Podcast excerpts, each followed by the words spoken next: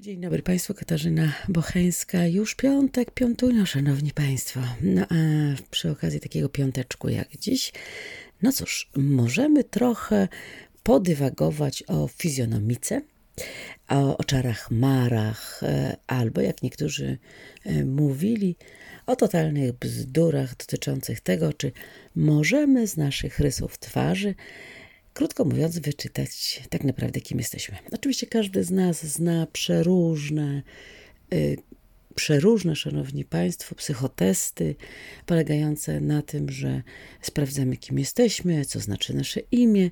No ale właśnie, ale czy jest coś pewnego w tym, a mianowicie jak nasza twarz.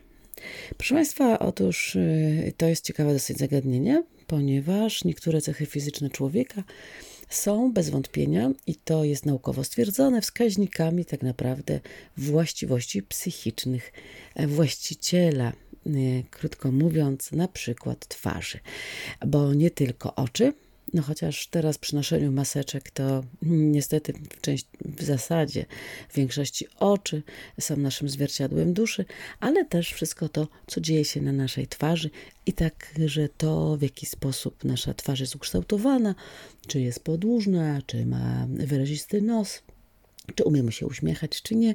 Krótko mówiąc, to wszystko e, jest jakby takim zapisem różnych rzeczy. Ostatnio wokół nas myślę, że mnóstwo twarzy, serwisy informacyjne są pełne, szanowni Państwo, zdjęć z przeróżnymi twarzami i to w różnych okolicznościach te zdjęcia są zrobione.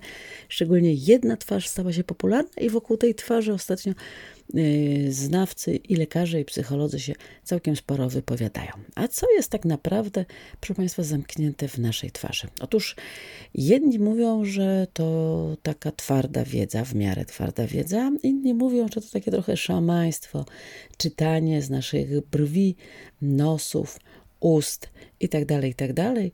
I że tak naprawdę mm, na oko nie jesteśmy w stanie wiele powiedzieć.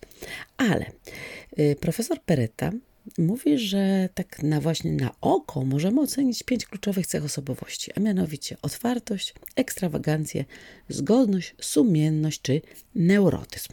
No i teraz, proszę Państwa, w zasadzie powinniśmy zerknąć w lustro i zobaczyć, cóż tam jest na tej naszej twarzy wyrzeźbione. Jakież to, e, krótko mówiąc, y, kryją się na przykład e, na naszej twarzy emocje. Mówi się o tym między innymi, że ci, którzy mają zdecydowanie taki mocny nos, to są ludzie e, silni.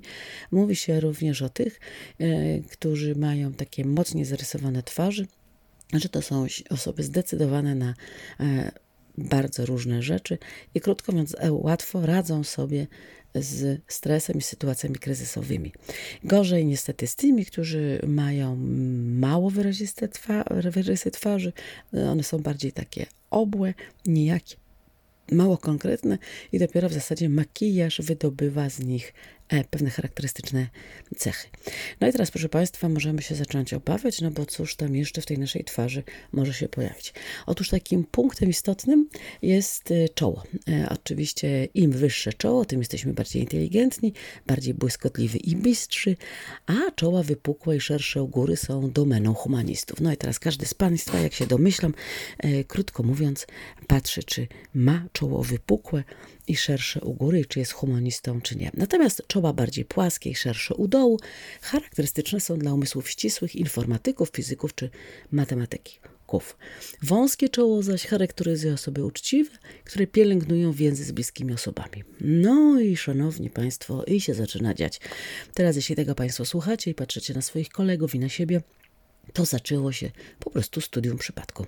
Zaczynamy analizować. No a z tym nosem, tak jak powiedziałam, e, to te silne osobowości te mają te duże nosy. Natomiast e, oczywiście z tymi nosami również jest i tak, że jeśli one są zadarte, no to wiadomo co oznaczają. A, a jeśli są takie mm, typu plastusia, e, no to wskazują na to, że mamy do czynienia z osobami ciepłymi. No i uszy. Szanowni Państwo, uszy, na które rzadko zwracamy uwagę też niosą ze sobą oczywiście mm, odpowiednie informacje. Grube płatki uszu na przykład są typowe dla osób, które mają silny organizm, ale nie mają wyczucia sytuacji. Czyli krótko mówiąc, yy, grube płatki uszu należą do troszkę grubiaństwa i grubiańskich zachowań. Właściciele małych płatków uszu są natomiast wrażliwi i nieodporni na stres czy choroby. No i tak moglibyśmy, proszę Państwa, tę naszą twarz przestudiować od początku do końca, ale ale oczywiście jest w tym wszystkim jeszcze kilka właśnie ale. Między innymi e, wyraz naszej twarzy i to, co z niej wyczutujemy, będzie na przykład zależało od tego, jakie okulary sobie ubierzemy. No bo to, że okulary dodają nam inteligencji, to już stare jak świat, szanowni państwo. No oczywiście przy okazji okularów i tych wszystkich odczytywań znaków na niebie i na ziemi pojawia się naturalnie wiele stereotypów, ale ponoć czym y, grubsze oprawki nosimy, tym większa jest w nas wiedza. Czyli jak ktoś widzi osobnika w takich masywnych oprawkach, konkretnych, no to może się domyśleć, że ma do czynienia z osobą, która ma bardzo, bardzo dużą wiedzę.